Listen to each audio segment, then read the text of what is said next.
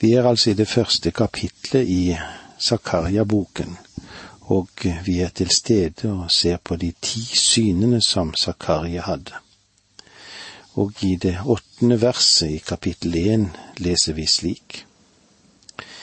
Jeg hadde et syn i natt. Jeg så en mann som red på en rød hest. Han stanset mellom myrtetrærne i dalbunnen, og bak ham sto røde, rødbrune og hvite hester. Jeg hadde et syn i natt, altså ikke en drøm, han hadde et syn. Og han stanset opp mellom myrtetrærne i dalbunnen.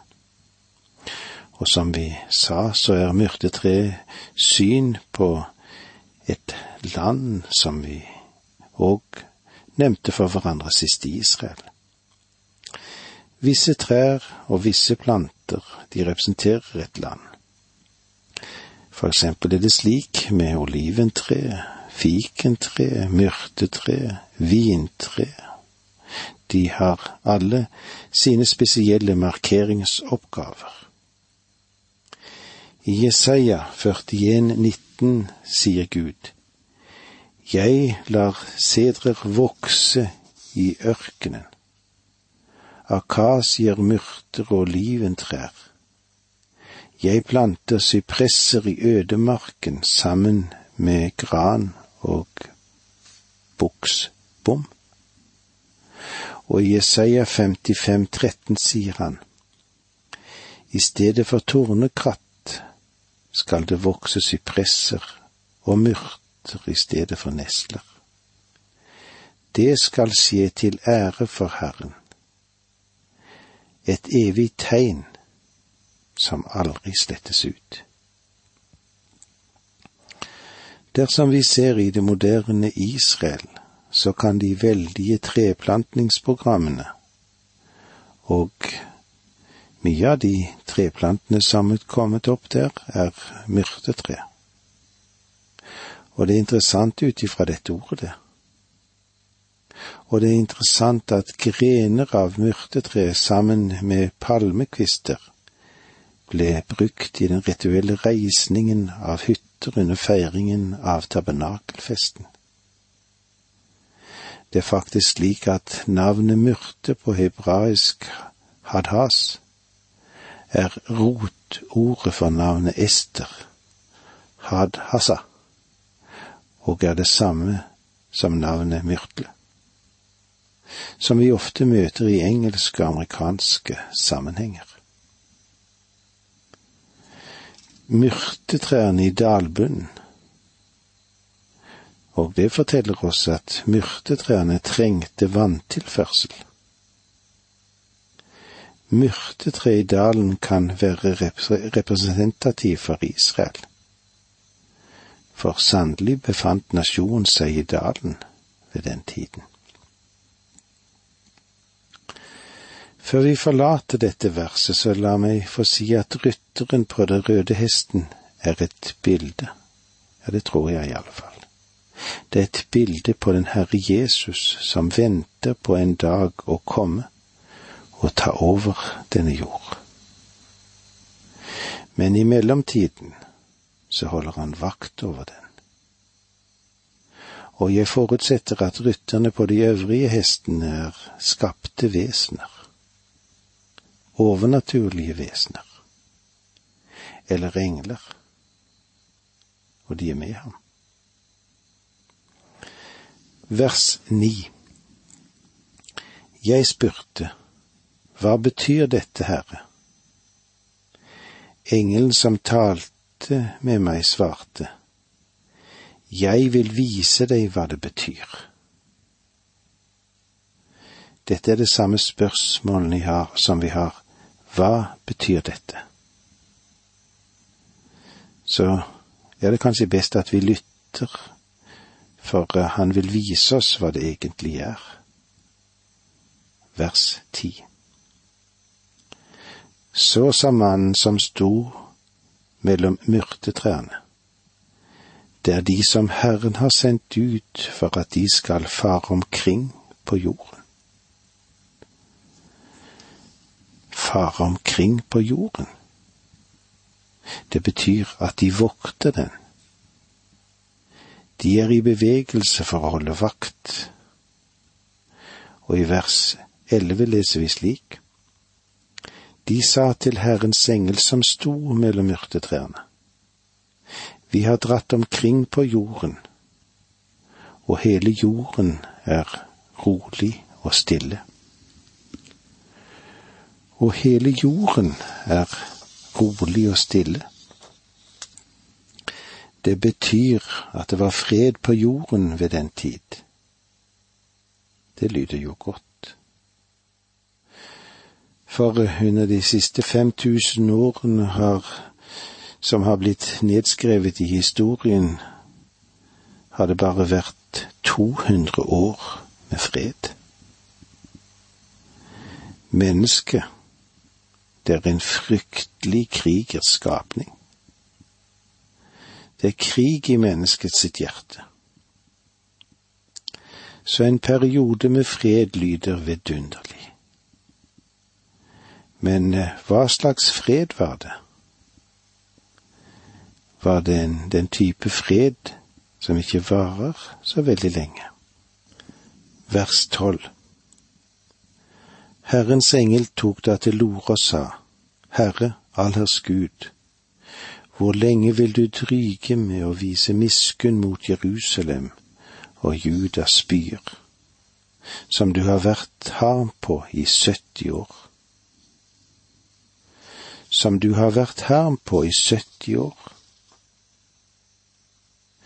Det vil si at i 70 år har Jerusalem nå ligget i ruiner, har ligget i aske men nå begynner den rest som vender tilbake til Israel å bygge det opp igjen. Ropet er, hvor lenge vil det vare før Gud bringer virkelig velsignelse til oss? Gud vil gjøre det helt klart at han ikke er fornøyd med de folkeslag som lever med sin egen fred, men overser Jerusalems nød. Gud er en nidkjær Gud. Han er nidkjær for Jerusalem. Og for alle verdens nasjoner, for de som stiller seg likegyldig til dette. Gud vendte om til Jerusalem med miskunnhet. Alle nasjonene har et ansvar.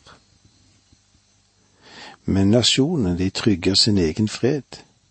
Det er så men eh, det varer ikke så lenge at freden er der. Dette har altså noe å si om den verdenssituasjon som vi lever i. Verden vil aldri ha en permanent varig fred før den Herre Jesus Kristus hersker i Jerusalem, for det er Han som er fredsfyrsten. I mellomtiden vil det være slik at den fred han tilbyr, er fred med Gud, fordi vår synd er tilgitt. Om vi har det rett med Gud, så kan vi ha fred med våre naboer, og til og med fred mellom nasjonene. Men de såkalte siviliserte, ikke-kristne nasjoner, er de som har ført an i to verdenskriger for ikke så veldig lenge siden og det er en påminning til oss alle sammen. Og med disse ordene må vi si takk for nå, må Gud være med deg. Dette undervisningsprogrammet består av to deler. Åge Nevland fortsetter nå med andre del av dagens undervisning. Vi er i profeten Zakaria, og vi er kommet til det tolvte vers, hvor vi vil se hvordan Herrens engel tok til orde og sa, Herre allers Gud, hvor lenge vil du dryge med å vise miskunn mot Jerusalem og Judas byer, som du har vært harm på i 70 år? Zakaria, han var samtidig med Haggai, og de var interessert i det samme. De var interessert i å oppmuntre jødene til å fortsette gjenoppbyggingen av det som var forsømt når det gjaldt oppbyggingen av tempelet. Og dette skjedde da ca. 520 år før Kristus. Men det tolvte verset, Herrens engel tok til orde og sa, Herre allherrs Gud, hvor lenge vil du dryge med å vise miskunn mot Jerusalem og Judas byer, som du har vært harm på i 70 år? Som du har vært harm på i 70 år. Jerusalem er nøkkelen til verdensfreden. På Zakarias tid prøvde verden å finne fred, men de overså Jerusalem. Det var i en tid da det mediopersiske riket var den førende verdensmakt. Du husker sikkert at Babylon hadde knekket både Egypt og Syria. Deretter hadde Mediopersia bøyd det babylonske imperium, og så hersket de over hele Hinduselven til Middelhavet og hele området fra de snøkledte fjell rundt Svartehavet og Det kaspiske hav, ja, helt ned til den brennende sand i Sahara. Deres overherredømme ga en kort fredsperiode til verden. Men det skulle ikke vare så veldig lenge før Alexander den store kom fra vest og brøt opp denne freden igjen. Freden kunne ikke bli permanent fordi Jerusalem, Jerusalem var nøkkelen til fred. Vers 13 Og Herren ga engelen som talte med meg, gode og trøstefulle ord til svar. Legg merke til at de var gode ord og trøsterike ord ord som var til hjelp for den rest som nå strevde med å bygge opp igjen tempelet. Ved denne tid forkynte Haggai dom, men ikke Zakaria. Han hadde et trøstebudskap fra Gud å bringe. Vers 14 Engelen som talte med meg, sa, rop ut disse ord så sier Herren allers Gud, Jeg er nidkjær. Jeg er full av brennende iver for Jerusalem og Sion. Jeg er full av brennende iver for Jerusalem. Guds brennende iver, eller hans nidkjærhet, den er ikke av den menneskelige karakter som kan være et utslag av tvilsomme motiver. Menneskets brennende iver, som ofte er en iver bare for det som er deres eget, og er kjært for dem, og kanskje kan bli tatt fra dem, kan ligne på Guds nidkjærhet. Jeg er nidkjær, jeg er full av brennende iver for Jerusalem og Sion. Jerusalem, det er hans by, og israelittene, de er hans folk. Han er fullt oppmerksom på det verdensvide vedrop som kommer fra et undertrykket Israel, som også vi ser i våre dager og han har fremdeles den samme brennende nidkjærhet for sitt folk. Og jeg tror at Gud i sin tid skal stå frem på deres vegne. Verden, da nå, er rede til å forsake den. Vers 15 Og stor er min herme mot det trygge hedningefolk for mens jeg bare var litt harm, gjorde de ulykken større. Mens jeg bare var litt harm, det vil si at Guds tukt bare var beregnet for en kort periode. Men verdens nasjoner ønsket dette folk skulle bli utslettet. Vers 16. Derfor sier Herren, i barmhjertighet vender jeg tilbake til Jerusalem. Der skal mitt hus bli bygd, lyder ordet fra Herren allers Gud, og målesnor strekkes over Jerusalem. I barmhjertighet vender jeg tilbake til Jerusalem. Gud hadde kommet tilbake for å tjene sitt folk med barmhjertighet. Bibelen forteller oss at han er rik på miskunnhet. Og målesnor strekkes over Jerusalem. Det er de som mener at denne målsnor over Jerusalem betyr at den skulle gå inn i en stor byggeperiode i Jerusalem, og at den skulle utvides til å bli en stor by på den tid. Ja, det er mulig det kan være sant. Men jeg vil forstå Skriften slik at der vi møter noen med en målsnor eller en målestav, betyr at Gud gjør seg rede til å gå direkte inn i denne spesielle saken.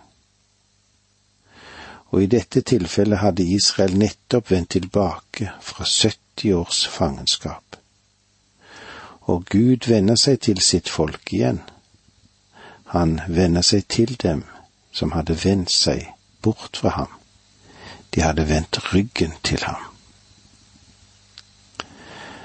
Alle folkeslag på jorden må forstå at det aldri vil bli fred på denne klode før det er fred i Jerusalem. Det er nøkkelen, eller en av nøklene til fred på jord. Har ikke Israels historie frem til i dag gitt oss en pekepinn på dette, tro? Dette lille folket fant raskt ut hvor få venner de egentlig hadde i verden ved begynnelsen av det som vi opplevde nå med den såkalte oljekrisen. De nasjoner som de trodde var deres venner, falt bort som døde fluer fordi de ønsket olje mer enn de ønsket vennskap med Israel. Men den saken er klar.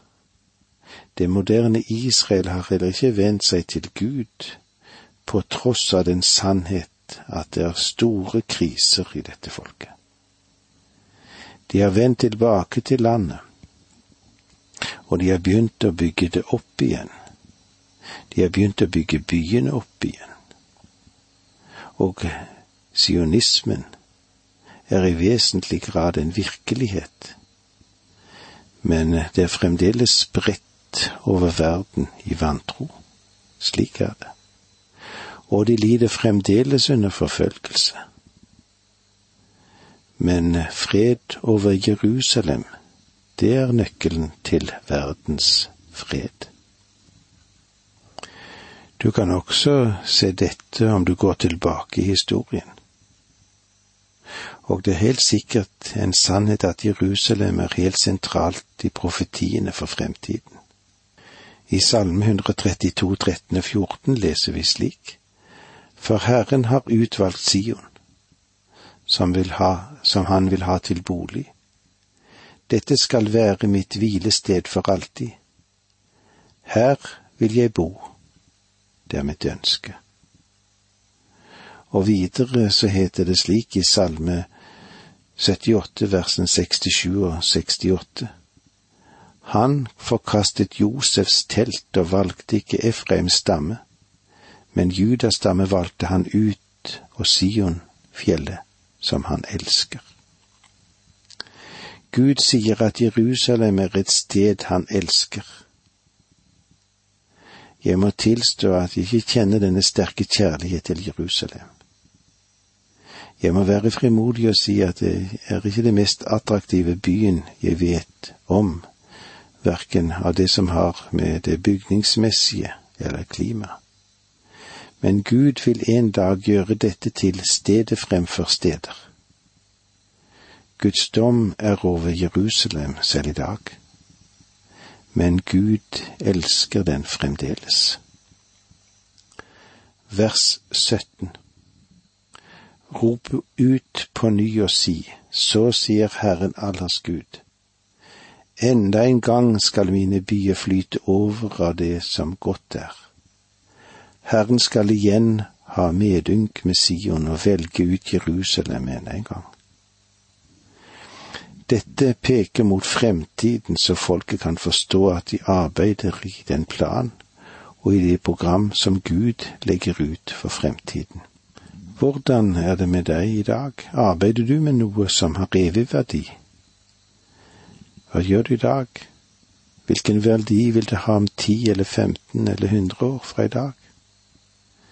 Er det virkelig slik at du og jeg arbeider i lys av evigheten? Med evighetens overlys over vår tjeneste. Kanskje vi kan tenke litt på det. Takk for nå, må Gud være med deg.